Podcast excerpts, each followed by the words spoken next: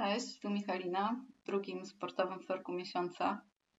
Będzie odcinek inspirowany bieganiem, ale taki, którego nie spodziewałam się, że będę nagrywać, bo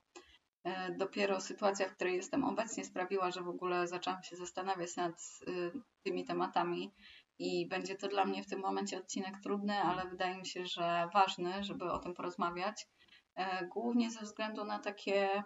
może niezrozumienie czy opaczne, y, opaczne rozumienie te, tego problemu przez osoby, które nie biegają albo nie trenują.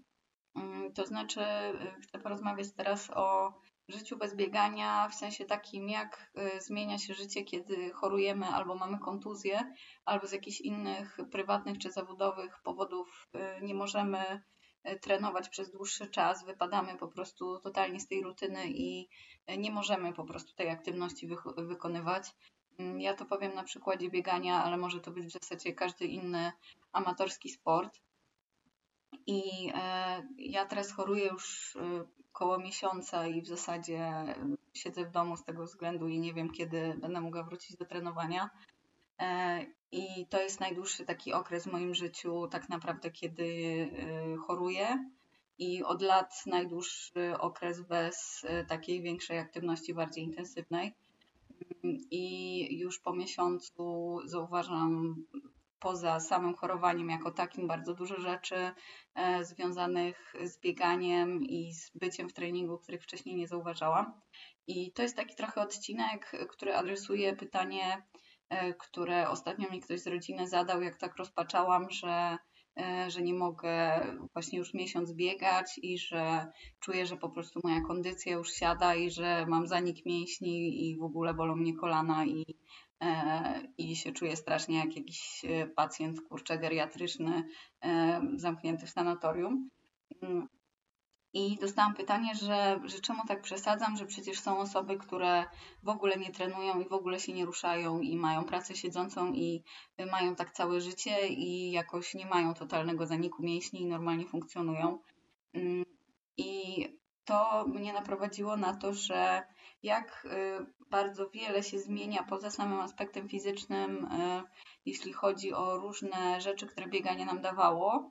które też przekładają się na inne dziedziny życia, bo można powiedzieć, że jeżeli ja sobie trenuję 3 godziny w tygodniu i oprócz tego mam jeszcze uczelnię, pracę, rodzinę, jakieś tam inne zainteresowania, no to to, że ja przez miesiąc nie biegam i te trzy godziny w tygodniu mi wypadają, no to w zasadzie co z tego i po co taka drama, skoro y, nie zawaliło mi się teoretycznie całe życie, tylko taki jeden aspekt, który nie jest jedyny w moim życiu, bo nie jestem też sportowcem zawodowym, nie jest tak, że nie mogę teraz pracować i się z tego utrzymywać i nie mam na chleb y, i to jest jakby coś, co wypełnia cały mój dzień, tylko jest to jakaś część dnia. Tylko mm, patrząc na to w ten sposób, nie zdajemy sobie sprawy, y, jak taka nawet godzina w tygodniu treningu może wpłynąć na pozostałe aspekty i jak wypadnięcie takiej jednej rzeczy y, może sprawić, że teoretycznie niezwiązane z nią aktywności też y, się sypią. I tutaj pod wpływem zaprzestania na przykład treningu może być tak, że też mamy później problem w pracy, problem w rodzinie i e, nie jest to tylko taki jeden powiedzmy puzzle, który możemy, nie wiem, wypełnić czymś innym albo zostawić na, na ten miesiąc, czy na e, pół roku, czy na jakiś nieokreślony czas. Mm, I dlaczego takie wypadnięcie z treningu może zburzyć tak naprawdę całe życie? Albo pogorszyć bardzo wiele aspektów, których się nie spodziewamy. To ja tutaj takie trzy rzeczy zauważyłam. E, pierwsza rzecz to jest, że zwłaszcza w takich czasach teraz e, covidowych, niepewnych, jeśli chodzi o planowanie czegokolwiek i dla wielu osób też niestabilnych, e, jak chodzi o sytuację w pracy, czy dzieci w szkole, czy wyjazdy i inne takie rzeczy, mm, to jednak jakiś, jakaś forma treningu, nawet nie pod zawody, mm, daje możliwość planowania i takiej kontroli związanej z właśnie naszym rytmem tygodnia czy miesiąca, e, której możemy nie mieć e, albo mieć bardzo mało teraz e, w innych aspektach. I to jest tak, takie ważne, dlatego że mamy wtedy jakieś perspektywy zawsze na przyszłość, mamy rozpisany ten plan i na co,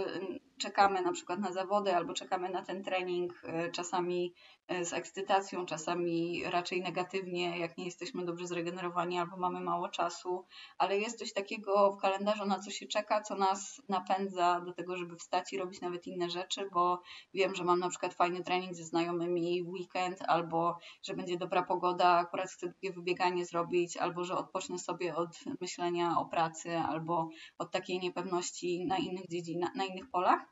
Mm, I tutaj e, zrezygnowanie z trenowania i to, że nie będę wiedziała, kiedy znowu mogę wrócić do aktywności, sprawia, że taki ważny element planowania wypada tutaj z jednej dziedziny i możliwe, że czuję, że po prostu mam teraz e, już totalny brak kontroli, jeżeli e, jakby jestem zależna od swojego stanu, zdrowia, który właściwie na ten moment jest nieprzewidywalny. Mm, więc ta element kontroli z treningu mi wypada. E, druga rzecz taka cielesna, no to jest to, że właśnie ciało nie współpracuje, a jak się regularnie cokolwiek trenuje, to mam wrażenie, że jest się bardzo wyczulonym na to, w jakim się jest stanie fizycznym e, i nie jest się przyzwyczajonym, będąc osobą w ruchu, do tego, że tyle siedzę, że bolą mnie plecy, mm, albo czuję, że mam zadyszkę nagle, jak wchodzę po schodach, albo e, że siedzę cały dzień w domu i po prostu spłaszcza mi się tyłek i i właściwie mam nagle bóle mięśniowe, które nie wynikają z tego, że jestem po treningu, tylko które wynikają z tego, że się w ogóle nie ruszam i że te mięśnie nie są do niczego nagle potrzebne. Mm, I tu znowu jest taki aspekt trochę braku kontroli, bo jednak tym treningiem możemy dużo, e, może nie tak dużo zmienić, bo, bo też nie do końca to kształtowanie sylwetki takie jest, że, że będziemy wiedzieć dokładnie, jak ta sylwetka przy bieganiu się będzie zmieniać, mm, ale Y, że, że na pewno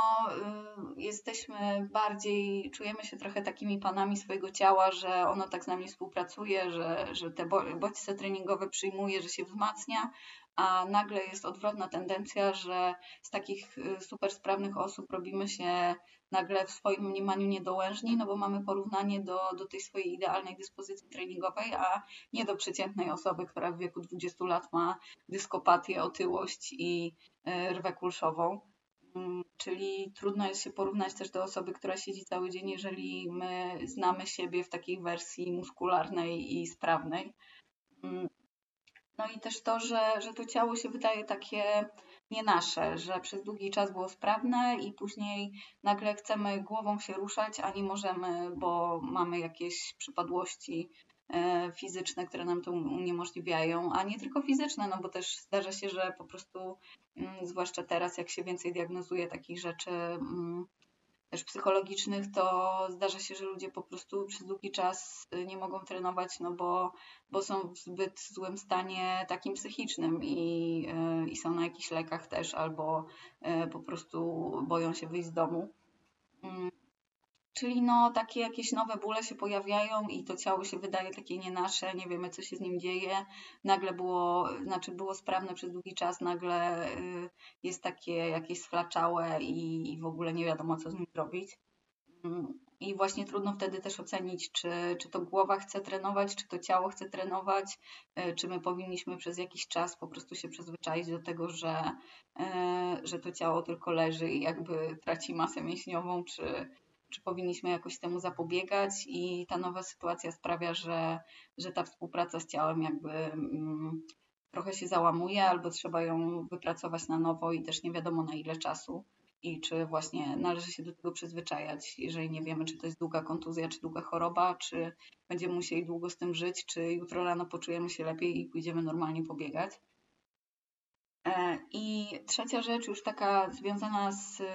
typowo z tym mm, uzależnieniem od sportu amatorów, y, to co powiedziałam na początku, że teoretycznie na tym nie zarabiamy i mm, nie, mam, nie, nie, nie poświęca to całego naszego życia,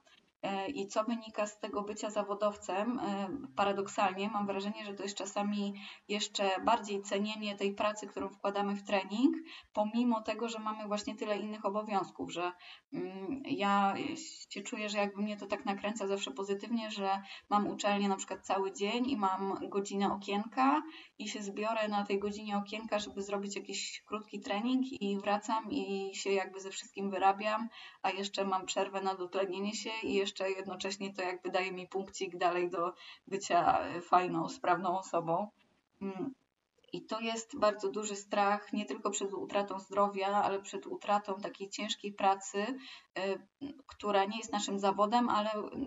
musimy się bardzo często nagimnastykować, żeby to jeszcze upchnąć y, i pogodzić właśnie z całą resztą naszego życia. I wydaje mi się, wydaje się, że cała reszta naszego życia będzie łatwiejsza, bo nagle mamy trzy godziny dodatkowe w tygodniu, jak nie trenujemy dla rodziny, albo na sen, albo na pracę, ale nie mamy tego napędu, które nam dawało trenowanie, które sprawiało, że chętniej później siedzieliśmy nawet po, po nocach czasami przy tym kąpie, e, czy chętniej sobie mm, wyszliśmy na jakieś niekoniecznie zdrowe jedzenie ze znajomymi, bo już jesteśmy po treningu i to wszystko się tak fajnie uzupełnia.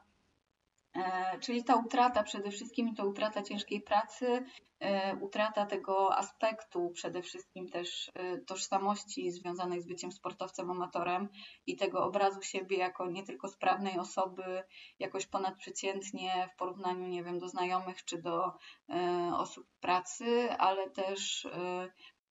no, obraz siebie jako sportowca czy jako biegacza i pytanie, czy jak ja mam pół roku kontuzję i nie biegam i nie wiem, czy kiedykolwiek będę mogła jeszcze biegać, to czy ja jeszcze jestem biegaczem, czy nie, że co z tego, że ja pół roku temu zrobiłam życiówkę albo że ja dwa lata temu przebiegłam maraton, jak ja teraz nie mogę się ruszyć z łóżka i kim ja w ogóle teraz jestem, czy ja powinnam teraz zmienić kompletnie te zainteresowania i próbować zapomnieć o, o tym bieganiu i o tym jakby moim poprzednim życiu i udawać, że tego nie było, bo to za bardzo boli, jak wspominam, jak mogłam to robić, a teraz nie mogę. Mm, czy powinnam się w ogóle od tego odciąć, czy nadal patrzeć, że moi znajomi biegają, że y, wychodzą nowe książki na ten temat, które bym chciała przeczytać. Że nadal mnie to interesuje, a jednocześnie to wzbudza bardzo dużo cierpienia, jeżeli nie może się tego robić, czyli ta kwestia tożsamości, czy należy budować nową tożsamość na czas choroby, na czas kontuzji i to też z drugiej strony, jaka to jest wtedy tożsamość. No, najchętniej byśmy wtedy przyjęli po prostu rolę osoby chorej i, yy, i trudno jest też tak zmienić zainteresowania tylko dlatego, że się jest chorym i nawet niekoniecznie się ma ochotę zajmować innymi tematami, tylko najchętniej by się wróciło do tego, co było.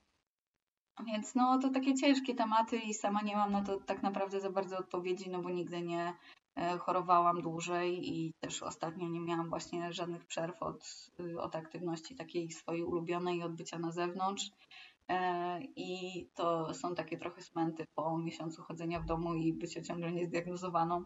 Mm, ale myślę, że, że to trochę wyjaśnia właśnie dlaczego e, nawet tacy bardzo amatorsko uprawiający sport i nie startujący w żadnych zawodach mogą w jakimś sensie się uzależnić od sportu albo mogą się bardzo załamać, y, jeżeli tego przez chwilę nie ma i mieć wręcz obsesję na tym punkcie, bo to nie sprowadza się faktycznie do, do tych tylko godzin na treningu, tylko do bardzo wielu innych rzeczy i przede wszystkim do tej swojej tożsamości, którą trzeba jeszcze raz definiować.